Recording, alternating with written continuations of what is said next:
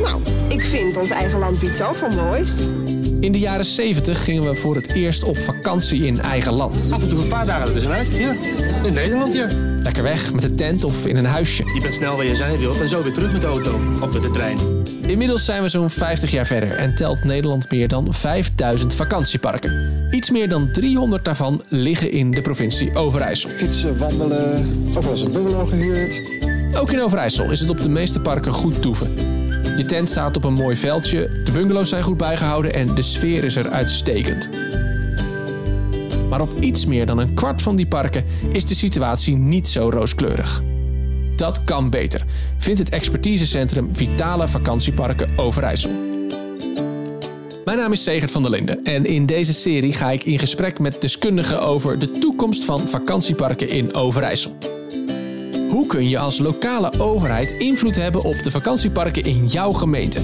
In deze podcast krijg je daarvoor de kennis, tips en inspiratie. Vandaag een podcast met een lichte verkoudheid aan mijn kant. Dat zul je misschien wel horen aan mijn stem. Maar dat staat een goed gesprek niet in de weg. Eerder concludeerden we al dat permanente bewoning afbreuk doet aan de vitaliteit van een vakantiepark. Maar hoe ga je daar als gemeente goed mee om? Grofweg heb je twee mogelijkheden: gedogen of handhaven. En in deze aflevering bespreek ik wat erbij komt kijken als je besluit om te handhaven op permanente bewoning. Bij mij aan tafel Fleuranne de Groot, bestuursrecht, jurist en verbonden aan het expertisecentrum Vitale Vakantieparken Overijssel.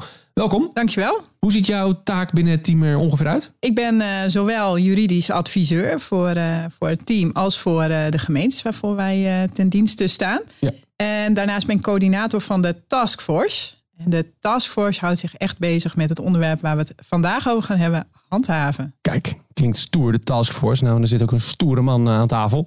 Uh, Randy Chonga toezichthouder van die, die taskforce, toezichting en handhaving van het expertisecentrum Vitale Vakantieparken Overijssel. Welkom Randy. Dankjewel. Is het echt zo stoer? Het valt eigenlijk in de praktijk wel mee. Uh, het gaat erom zeg maar, dat je weet hoe je de mensen moet uh, benaderen. En uh, ja, het is veelal gesprekken aan, aangaan met bewoners op vakantiepark. Ja, veelal praten. Juist.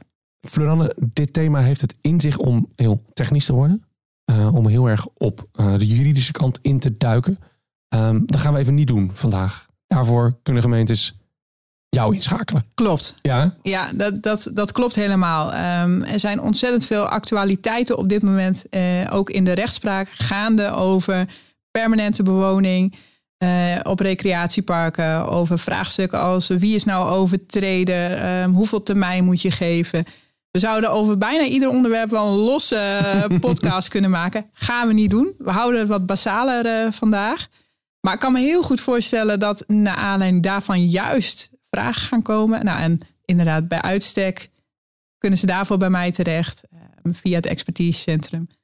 En uh, beantwoord ik ze graag, denk ik graag mee. Heel goed. Wat, even, even een term uitleggen, want wat verstaan we nou eigenlijk onder handhaving? Eigenlijk is het niets meer dan het um, door een overheidsorganisatie, in dit geval uh, gemeentes, aan bewoners, aan mensen laten weten wat de regels zijn en men daar ook aan gaan houden het vertellen wat mag wel en niet op zo'n vakantiepark. Doorgaans is dat recreëren. En dat mag wel. Hè? Dat mag wel, even, dat ja, mag, dat mag. Ja, ja, ja, dat mag, ja. En wat vaak uh, niet mag, is het permanent wonen op zo'n vakantiepark. En handhaven is dus um, uitleg geven over de regels en vervolgens mensen daaraan gaan houden. En dat kan soms nodig zijn om daar dwangmiddelen voor te gaan gebruiken. Kijk, en, en dan wordt het wel wat vervelender, toch? Het is niet meer vrijwillig. Precies, Het dat, is exact. niet meer vrijwillig. Ja. Klopt, klopt. In eerste uh, instantie, uh, nou Randy zei het net al, uh, het werk van de toezichthouders is in beginsel vooral heel veel gesprekken voeren. En dan ook uitleg geven dus aan mensen van wat wel en niet mag. Maar als mensen dan toch besluiten, nee, ik, ik blijf die regels overtreden, ik blijf hier gewoon wonen. Terwijl dat ik nu al weet dat dat niet mag. Ja, dan kom je uiteindelijk wel toe uh, als bestuursorgaan aan het, uh, ja, het opleggen van dwangbesluiten, zoals we dat dan noemen. Hè. Dus besluiten waarin je zegt tegen iemand, ja, als u nu niet uh, de regels naleeft, oftewel vertrekt eigenlijk, stopt met dat permanente wonen, dan verbeurt u een zogenaamde dwangsom. Hè. Mensen zien dat dan wel als een soort ja, boete. Boete, ja, ja. Ja. ja, ja. Eh, Randy, dus de, de, de gemeente is zeg maar, of de gemeente of de, de overheid is degene Mhm. die, die die dwangmaatregelen neemt, zeg maar. Juist. Eh, hoe, hoe zit jij dan in dat spel? Waar, waar, waar, waar zit jouw rol? Nou, mijn rol is eh, um, om voor een gemeente X als toezichthouder um, een inventarisatie te doen. Hè? Welke mensen er uh, permanent wonen op een uh, vakantiepark. En ook een goed beeld te krijgen van hoe die mensen hier ooit terecht zijn gekomen. Hè? Soms kan het ook zijn zeg maar, dat mensen met een bepaalde achtergrond daar zijn gekomen. Uh, Zo, zoals, geef eens een voorbeeld, zonder verder per namen. En, we noemen geen namen en rugnummers in deze podcast, dat hebben we al eerder gezegd. Maar... Het, het kan zijn scheiding, woningtekort. Een soort laatste, laatste plek laatste waar ze kunnen wonen. middel nog. om ergens nog snel terecht te kunnen. Uh, behalve permanente woningen worden die ook bewoond door arbeidsmigranten. Dat kom je ook heel vaak tegen. We zien natuurlijk ook wel, Randy, we zien ook wel inderdaad uh, bewoning uh, van, van toch wel groepen mensen die we daar liever niet uh, zien. Mensen die, die er bewust voor kiezen om minder goed gevonden te worden. En dat kan om heel veel verschillende redenen zijn. Misschien wil het niet gevonden worden door de Belastingdienst. Het kan ook zijn gewoon uh, door uh, kennissen uit een bepaald milieu. Ja, ja. Uh, maar er zijn ook mensen die ervoor kiezen om juist op een vakantiepark te wonen, omdat ze wat onder de radar willen blijven. Ja, ja we hebben al eens eerder geconcludeerd in de podcast dat ja, het, het is een plek waar toezicht soms weinig controle weinig, is. Weinig, ja. weinig controle, er komt weinig politie. Allemaal over het algemeen weinig toezichthouders van een gemeente als er eigenlijk niks aan de hand zou zijn. Ja. En uh, ja, dat weten eigenlijk uh, heel veel mensen ook. Ja, ja mensen ja. die je daar niet willen hebben als Juist. gemeente. Juist. Ja. Nou noemde ik net in de inleiding al, zijn, zijn, zijn, je hebt twee opties. Je kunt uh, gedogen of, of, zelfs legaliseren soms. Um, maar waarom zou een gemeente kiezen voor handhaving? Een vakantiepark wordt nou, opgestart eigenlijk omdat het een recreatieve doeleinde heeft. En wat je krijgt als je dus heel veel permanente bewoning hebt, is eigenlijk dat je ja, vakantiepark niet heel vitaal meer is. En dat de vaste bewoners ook geen uh, gebruik maken van de vast, vaste faciliteit eigenlijk van het park. Zo, zoals de, de, het, het, het, ja, het restaurant. of de, de zwem, het zwembad. Ja, het zwembad, maar ook gewoon echt uh, uh, geen, geen, geen patatje oorlog meer halen bij wijze van spreken. Of andere faciliteiten van het park gebruik gaan, maken. Ja. En dan zie je gewoon dat er een, uh, ja, hoe moet je zeggen, je hebt, je hebt een ander soort dynamiek dan op het park. En dat is iets wat je niet wilt als ondernemer van een vakantiepark. Nee, en als overheid dus ook niet. Nee, als, als overheid wil je dat doorgaans ook niet. Want voor je toeristisch klimaat en ook voor je, uh, je economisch klimaat uh, inderdaad, wil je niet dat die parken volledig bewoond worden um, door inderdaad je, uh, permanente bewoners. dat is voor je park niet goed. je toerisme is dat niet goed. Ondermijning kan daar eerder een rol spelen. Hoe meer permanente bewoning, hoe minder toerisme, hoe meer kans op het afglijden van zo'n park. Juist. Kun je mij eens uitleggen, hoe loopt dat? Het moment dat een gemeente het idee heeft... hé, hey, dat vakantiepark dat gaat niet helemaal goed. Mm -hmm. We denken dat daar mensen wonen. Ja. En, en dan? Wat gebeurt er dan? dan? Dan kloppen ze bij het expertisecentrum aan, denk ja. ik. Ja, ja, klopt. Um, wij kunnen vanuit het expertisecentrum met de taskforce de gemeentes daarbij ondersteunen. Uh, we gaan eerst eens in gesprek met die gemeente van goh, welke, welke basisinformatie heb je nu zelf al over dit park. We gaan een, een multidisciplinair overleg met elkaar aan, waaruit we uh, gaan, gaan uitfilteren. Wat, wat weet nou iedere medewerker van de gemeente, maar ook bijvoorbeeld van een wijkteam of van politie, um, sociaal regisseurs. Um, procesregisseurs uh, uh, vanuit verschillende hoeken. Wat weten die van zo'n park? En, en, wat zouden ze moeten weten, idealiter? Wie daar verblijven, wie daar wonen, met welke origine. Hè? Wat Randy net al zei. En niet iedereen kiest daar uh, heel bewust voor om daar te wonen. Soms komen daar ook mensen terecht omdat ze echt elders geen, geen plek kunnen vinden. Soms worden ze geplaatst vanuit een, een zorginstelling. En idealiter weet zo'n gemeente, oké, het is een park met zoveel eenheden, daar wonen uh, in zoveel huisjes uh, deze mensen, die kampen met deze en deze problematiek. Die en die huisjes zijn in eigendom, die worden gehuurd, daar zitten bijvoorbeeld arbeidsmigranten. Maar doorgaans is dat informatiebeeld is er niet. Ja, ja. En dan, uh, dan komt Randy. Dan komt Randy. Ja, Ja, ja dan komt Randy. Ja, ja, dan kom jij in beeld. Ja, dan komen wij dus in beeld. Samen met mijn collega Lionel uh, gaan wij uh, namens het expertise team in opdracht van gemeenten zeg maar, die vakantieparken op. Om eigenlijk bij wijze van spreken elk huisje langs te gaan. door wie die worden bewoond. welke mensen wonen daar. wonen er mensen met kinderen? Bij wijze van spreken. Ja, ja. En ook na te gaan van ja, wat voor problematiek hebben die mensen dan en hoe zijn ze daar ooit terecht gekomen. Dus jij gaat gewoon letterlijk bij elk huisje even aankloppen. Juist, gesprek aangaan. En eh, dat doen we dan eh, op verschillende tijden. Want soms zijn de mensen ook aan het werk. Ja, ja. Dus we komen ook veelal eh rond etenstijd of in de avonden, soms in de weekenden. Dat we de, ja, de kans vergroten om iemand te kunnen spreken. Oh, hoe gaat dat? Hoe, ik, ik, ja, ik, sorry, ja, ik, dit, is, dit is het stukje dat heel beeldend wordt natuurlijk. En Ja. dan, dan ben ik als, als podcastmaker, denk ik, ga ik, oh, daar wil ik meer over weten. Want hoe gaat dat? Wat, wat, wat, voor, wat, wat tref je aan op zulke parken? Ja, je treft echt van alles aan. Eh, hè, je hebt ook gewoon, eh, bij wijze van spreken, gezinnen die allebei eh, werken. Alleen door omstandigheden kunnen zij eh, geen eh, woning bemachtigen. Eh, deels zeg maar omdat zij dus net te veel verdienen, zeg maar, en dan een beetje eh, in de vrije sector komen. Ja, Maar ja. ook weer niet genoeg verdienen om een koophuis te bemachtigen in deze tijden dat het al moeilijk is. En dan zitten ze daar eigenlijk toch wel noodgedwongen. Ja. Je komt ook mensen tegen die eigenlijk gewoon echt een minimum inkomen hebben. Ehm, en die zitten daar ook niet voor hun lol. Eh, en die kunnen eigenlijk al helemaal geen kant op. En dan is het voor ons ook goed om te weten van welke mensen zijn er dan die daar zitten. En eh, wat kunnen wij die mensen nog meer bieden om wellicht in de toekomst ja, beter eh, ja, inkomen te bemachtigen eigenlijk. Ja, en daarnaast zie je ook heel veel ja, mensen, wat Fleuran al zei, mensen die niet gezocht willen worden Ja. op zo'n vakantiepark. En mensen die dan wellicht eh, in de drugshandel zitten of in de hennep, illegale prostitutie kom je tegen, arbeidsuitbuiting. Er speelt meer eh, op een vakantiepark dan de gemiddelde Nederlander eh, weet, denk ik. ja. En dan moet jij er allemaal achter zien te komen. Ja, daar moet, eh, daar moet ik samen met mijn collega achter zien te komen. En wat Fleuranne ook al zei, hè, het is echt zo'n plek zeg maar, die, eh, hè, dat mensen goed onder de radar kunnen blijven. Ehm, en wat je dan ook vaak ziet, is al, als mensen al heel weinig geld hebben. En je weet van, hey, mijn buurman eh, drie huizen verder, die zit in de hennep.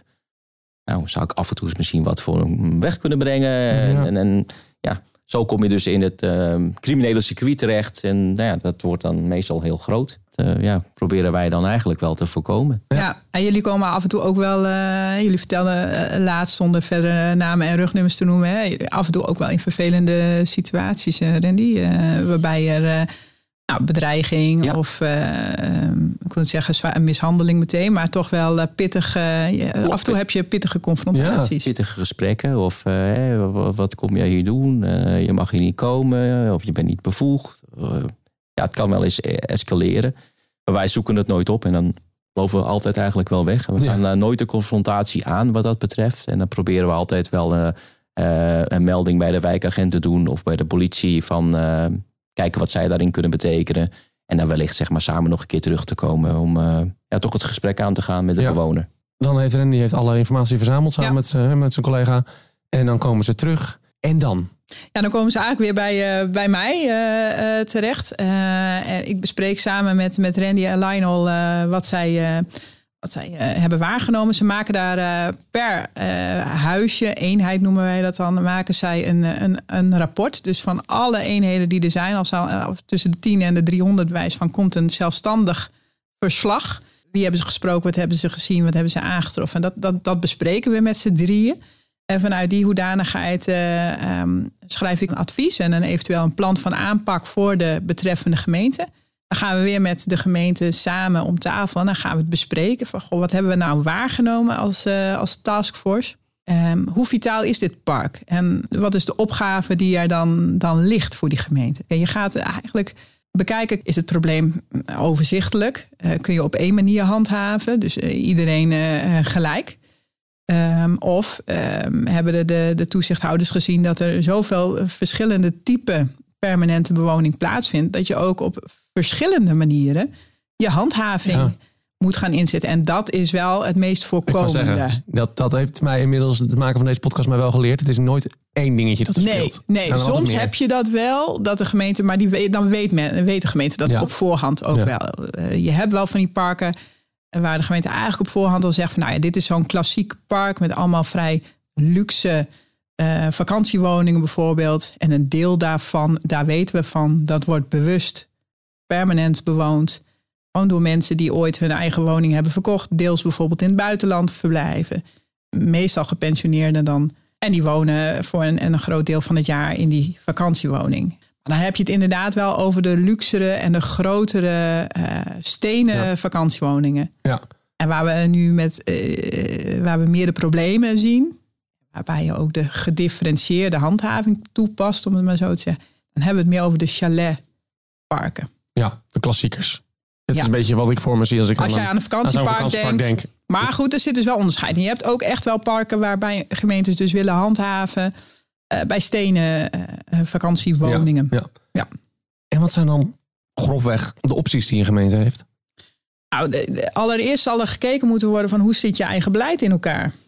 Als jij eh, als gemeente geen specifiek beleid hebt ten aanzien van handhaving op recreatieparken, dan is dat wel stap 1 wat we met een eh, gemeente gaan, eh, gaan bespreken.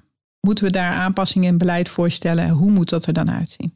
Vervolgstappen zijn dan kijken, nou, ga, moet je differentiëren als gemeente ehm, en hoe wil je dat dan doen? En dan kun je bijvoorbeeld denken aan het differentiëren in termijnen. Je kunt denken, ehm, we hebben maar één park waarop we willen handhaven. Nou, dat, dat gaan we inzetten. En dat gaan we doen in drie fases. Hm. Eh, eerst eens even praten met de bewoners en een, en een vriendelijke brief. En daarna, wie dan niet eh, vertrekt, die krijgt een zogenoemde vooraankondiging van het besluit wat gaat volgen. En wie dan niet vertrekt, die krijgt dan alsnog een besluit. En is dan diegene nog niet vertrokken, dan verbeurt hij dan, hè, zoals we dat dan noemen, hè, de dwangsom. Hè? Dus Ja. dan moet hij de boete Dan betalen. moet ik gaan betalen. Ja. Nou, en vertrekt hij dan nog niet? Want na het betalen van die boete kan iemand nog steeds besluiten: nou ja, ik betaal lekker die boete, maar ik blijf zitten. Dan kan de gemeente er eventueel nog voor kiezen ehm, om zo'n woning eh, met bestuursdwang te verzegelen, bijvoorbeeld. En Oh, te ja. zeggen van ja, nou ja, u mag hier niet meer wonen, dus dan verzegelen wij wel. We zien dat niet veel Ik voorkomen. zeggen, want dan heb je het echt over, een, over ja, wat, wat ik zou zeggen, een uitzetting. Dan Ja. zet je iemand eigenlijk uit Ja. zijn huis. Ja, dat Ja. kan. Dat kan. Als je het dan hebt over handhaving en harde maatregelen, zijn dat natuurlijk de harde maatregelen. Ja, ja. En waar we met elkaar voor staan als expertisecentrum is ook dat we samen met gemeentes gaan kijken hoe kun je die parken nou vitaal krijgen. Ehm, en daar willen de meeste gemeentes bij ook de menselijke, menselijke maat gaan toepassen. Dus samen met, met ons, eh, met mij, met eh, Randy, met Lionel gaan kijken hoe kunnen we op een nette manier zorgen dat het park vitaal wordt. Nou, en dan ga je eerder kijken hoeveel tijd hebben mensen nodig om te vertrekken. Hoe, wat is de woningmarkt op dit moment in die gemeente? En dan ga je daarop aanpassen. ja. En nou schets jij net echt schrijnende situaties. Hoe kun je daar als gemeente mee omgaan? Ja, het belangrijkste is, je, je moet eerst in beeld hebben eh, wie, wie, wie, wie dat dan zijn. Ehm, en dan eigenlijk een plan van aanpak eh, ja, per, per eh, dossier Echt per dossier, per, per huisje dossier eigenlijk moet je ja, gaan te bekijken van Ja. wat zijn de mogelijkheden. Eh, waar hebben die mensen recht op? Hè? Meestal worden ze ook wel doorverwezen naar een eh, sociaal eh, wijkteam. En dat eh, ja, willen wij ja, vanuit de gemeente dan doen eigenlijk. Om dan de, ja, die mensen eigenlijk een beter onderkomen te bieden. En eigenlijk is dat voor een gemeente ook niet vreemd hoor. Want in je, in je proces van handhaving heb je natuurlijk wat ik al noemde. Hè, bijvoorbeeld je handhavingsbeleid. Dat is eh, algemeen. Dus je start algemeen. En uiteindelijk werk je steeds meer toe als een soort trechtertje naar de persoonlijke situatie van het geval. Ehm, en je zult altijd, dat noemen we dan in juridisch zin een belangenafweging. Maar per geval zul je uiteindelijk de belangen moeten gaan afwegen. En dus de, de overheidsorganisaties moeten zorgvuldige afweging maken voor de besluitvorming. Nou, daar, daar kun je dus die eh, uitstekend rekening gaan houden met de persoonlijke situatie. Zitten uiteraard allemaal eh, haak en ogen aan. Maar de meeste gemeentes streven er heel erg naar om die, die menselijke maat toe te gaan passen. Wat ik me nou nog afvraag, eh, over jouw stukje van het werk. Jij komt in actie als een gemeente denkt, hé, hey, er wordt gewoond op een park. Mhm. We willen klopt. weten wat er gebeurt. Kun je altijd aantonen dat mensen daar ook daadwerkelijk wonen? Soms niet. Soms heb je wel lastige dossiers. Hè, dat je bij een eh, recreatiewoning komt. je treft nooit iemand aan. Je kijkt naar binnen. Je ziet gewoon wel dat er eh, acti- activiteiten eh, plaatsvinden. Er wordt geleefd. Je ziet, je ziet bijvoorbeeld vaatwerk, vers fruit. je ziet persoonlijke spullen. Maar je treft er nooit iemand aan. Ehm, ga je altijd verder, ver- ja, op verschillende tijden hè, ga je controle- controleren. Nou, ik heb wel eens dossiers, zeg maar, nou, je treft ze rond etenstijd ook niet. Of op een gegeven moment zijn de gordijnen dicht. Eh, soms zie je wel eens een auto staan, maar je treft nog steeds geen persoon. eh, staan ze elders ingeschreven. Ehm, controleer je dat ook, maar dan tref je op het inschrijfadres zeg maar iemand die het spelletje ook meespeelt. Ja, Ja. mensen wonen hier gewoon, dus ja, ze maken gewoon eigenlijk recreatief gebruik van het huisje. Maar als je dus tijdens de controles ziet van ja, er wordt gewoon echt geleefd en je treft niemand aan, dan is dat wel eens lastig. Dus Ja. dat komt ook voor. Ja. Is dat dan ook wel een teken van, hé, hey, hier is echt iets goed mis? Niet, niet zozeer mis, maar meer in de zin van eh, dat, dat zo'n permanente bewoner heel goed weet, zeg maar, hoe die dat moet, eh, ja, die weg moet bewandelen Ja. om, om niet gepakt te worden eigenlijk. Ik zie jou heel hard knikken, Ja, Floranne. ja, Dit, dit zijn, dit zijn ja, vaak eh, niet de schrijnende gevallen. Want de schrijnende gevallen die hebben helemaal niet dat vangnet voor die extra inschrijving. Oh ja, die kunnen ja. helemaal niet ergens terecht. Eh, het zijn ook niet altijd degenen die de ondermijning eh, doen. Want die zijn daar ook wel eh, toch wel juist wel aanwezig. Maar dit zijn meer nog de personen die inderdaad heel bewust hebben gekozen van wij gaan op dat park wonen. Dat kopen we bijvoorbeeld ook zelfs aan.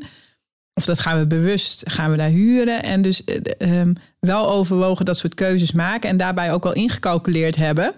Dit mag niet. En daarom moet ik zorgen dat het niet eh, aan het licht komt dat het niet mag. Ja, ja, en de ja. schrijnende gevallen, die weten soms niet eens dat het niet mag. Of die. Ja, het zijn ook de mensen die soms de post niet openen. Hè? Dus eh, Ja. dat, is, dat is een andere categorie hoor. Ja. Ja, Ja. ja. nee, dat is herkenbaar. Vraagt een heel andere aanpak ook weer. Ja, zeker, Oh, zeker ja. hoor. En eh, wat wij dan ja, wel eens vaker doen, is dan dat we dan niet te voet het park op gaan. Eh, want meestal hebben ze een appgroep van, nee, de toezichthouders zijn er weer, Ja, dus eh, gordijnen dicht of eh, nou, zorg dat je weg bent, bij wijze van spreken. Maar dan gaan we gewoon wel eens met de auto eh, het park op en dan ja, staan we een paar minuutjes in de buurt en dan zien we wel wat activiteiten. Ja, En dan ja, proberen we zo toch te bekijken van wie we kunnen treffen. ja. Toch wel Dus het- bewijsmateriaal verzamelen. Juist, inderdaad. Ja, dus dat, dat maakt het wel uitdagend en Ja. spannend wel eens. Toch wel spannend, hè? Ja. Toch wel. Ja. hey, als, als gemeentes hiermee aan de gang willen, zijn er bepaalde juridische voorwaarden waar ze aan moeten voldoen?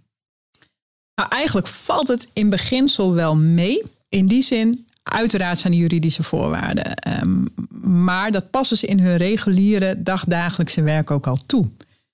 Geldt voor handhaving op een recreatiepark ehm, niet hele andere regels dan de handhaving op bewijs van ehm, het schuurtje dat illegaal gebouwd is. Wat handig is, wat ik al noemde, is dat je beleid hebt. Wat ziet op ehm, hoe hoog is je prioriteit ten aanzien van handhaving op zo'n park. En, en verder is het belangrijk dat je uiteindelijk toewerkt naar die belangenafweging van iedere woning aan zich. Dus dat je goed nadenkt over waarom handhaaf ik op deze manier op dit park. En hoe kom ik dan ertoe dat deze mensen binnen een bepaalde tijd daar niet meer mogen wonen. En dan, dan baseer je je hele handhaving eigenlijk verder vooral op je beleid, op je voorschriften uit je bestemmingsplan en uiteindelijk daarbij dus op de, ehm, op de WABO, hè, dus de Wet Algemene Bepalingen Omgevingsrecht. En ehm, daarnaast de Algemene Wet Bestuursrecht. Dus niet heel anders dan anders. Nee.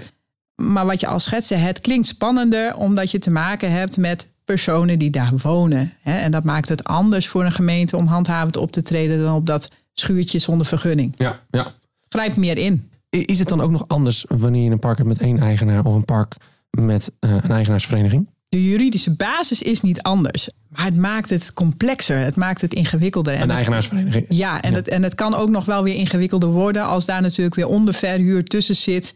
Eh, of wat we soms zien met arbeidsmigranten, dat daar nog weer een partij tussen zit, die ja. daar eh, de, zijn, zijn werknemers huisvest. Hoe meer partijen, met hoe meer mensen, eh, bijvoorbeeld Randy, in gesprek moet om te achterhalen wat er nou eigenlijk speelt. Dat Ja, is wel lastig. En de vraag, wie is nou feitelijk de overtreder? ja. Is dat nou alleen maar degene die huurt? Of is dat misschien slachtoffer van iets? Is het dan de huurder? Is het dan de eigenaar? Of is het de, de parkeigenaar? Hè? Dus het maakt het complexer. ja. Complexer. Maar daar, daar ondersteunen we graag de gemeentes ook in. Ja, nou ja, daarvoor schakelen ze, Ja. schakelen ze jullie natuurlijk ook Ja, in. ja, zeker. Hè, Dat jullie de hulp en de kennis en expertise kunnen bieden. Dan denk ik toch, Randy, jij gaat het park op, jij gaat heel veel kennis Mhm. opdoen, informatie vergaren. Dat kunnen gemeenten toch ook zelf? Dat zouden ze bij wijze van spreken goed zelf kunnen. Ja, ik merk zelf gewoon in de praktijk dat sommige toezichthouders hebben niet vaak zin om op een vakantiepark controles uit te gaan voeren. In de gemeente waar ze zelf ook wonen. Dat is het ook vaak wel. En dat Ja. ze dus dezelfde mensen in de supermarkt tegenkomen. Of waar dan ook in de gemeente. En dat, dat, ja, ze, ze, ze willen dat liever niet. Ja wij, ja, wij merken dat ook wel eh, in, in de sessies die we met gemeentes doen. Dat er ook heel veel wens is van eh, lokale toezichthouders. Bijvoorbeeld om de ondersteuning te krijgen van Randy en Lionel. Al is het bijvoorbeeld ook maar in het, eh, hoe pak je dat nou aan, die gesprekken? En, eh, wat ik al noemde. Het is wat anders handhaven eh, op iemand die daar misschien al jaren woont. ehm, dan het handhaven op het schuurtje. Of ehm, eh, de schutting die te hoog is. Of, of, of een, Ja, een, een, een milieuinrichting waar het over zakelijke zaken gaat. dat is het. Het, is, het heeft geen impact op je persoonlijk, Nee. op je woning. Dat is het natuurlijk. Precies. Ja. En die gesprekken en die confrontaties zijn daardoor ook vaak emotioneler. Ja, klopt. En en ja, dan, dan is dat veel spannender ook om te doen. En hoe, hoe pak je dat dan aan? En eh, ja, jullie krijgen daar veel vragen over, hè, Randy, om dan daar. eh, Om, om, om, Hoe- om doe je dat dan? Hoe, hoe doe je dat dan? En, hè, dat is vaak gewoon eigenlijk ook ja, goed doorvragen. Maar ja, ook goed te luisteren. Hè, wat iemand vertelt. En eh, op dat moment ook te, te bekijken van... Ja, wat, wat zijn dan de mogelijkheden? Of wat, wat kunnen we voor die mensen betekenen? Hè, moeten we sociale wijkteam inschakelen? Eh, of heeft iemand wellicht uh, hulpverlening nodig? Of, of het kan, kan van alles eh, zijn. Ja. Eh, dus je bent niet alleen aan het handhaven, maar ook een, eh, ja, hoe noem je dat nou echt? eh, ja, dienst, dienstverlener. ja, Ja, ja. het, is, het, is, Ja. het, is, het, is, het is meer dan eh, controleren. Je zit ook een soort sociaal, eh, eh, social workers stukje in. Ja. Eh, je moet meer vaardigheden hebben dan, eh, dan alleen een controle kunnen uitvoeren. Ja, en misschien ook nog, nog wel meer. Je bent soms ook gewoon de, de koppeling, de, de, de tussenpersoon. Zeker. Ja, om te kijken Die de juiste eh, instanties kan Juist, koppelen. wat kan je voor iemand betekenen eigenlijk? Ja. Eh, inderdaad. Ja, het doel is natuurlijk wel die naleving van die regels. Hè? Want handhaven, zo begonnen we. Wat is nou eigenlijk handhaven? Ja, uiteindelijk het opvolgen van, van, van de regels die er zijn. Ja. Met als doel een vitaal Een vitaal park, zodat het toerisme ehm, daar weer volop eh, kan plaatsvinden. Je luistert naar de podcast Vitalisering Vakantieparken. Een podcast van het expertisecentrum Vitale Vakantieparken Overijssel. Mijn naam is Zegert van der Linden. Wil je meer weten over de onderwerpen uit deze aflevering? Kijk dan in de show notes of op expertisecentrumoverijssel.nl. Over twee weken staat er een nieuwe aflevering voor je klaar. Bedankt voor het luisteren en graag tot de volgende aflevering.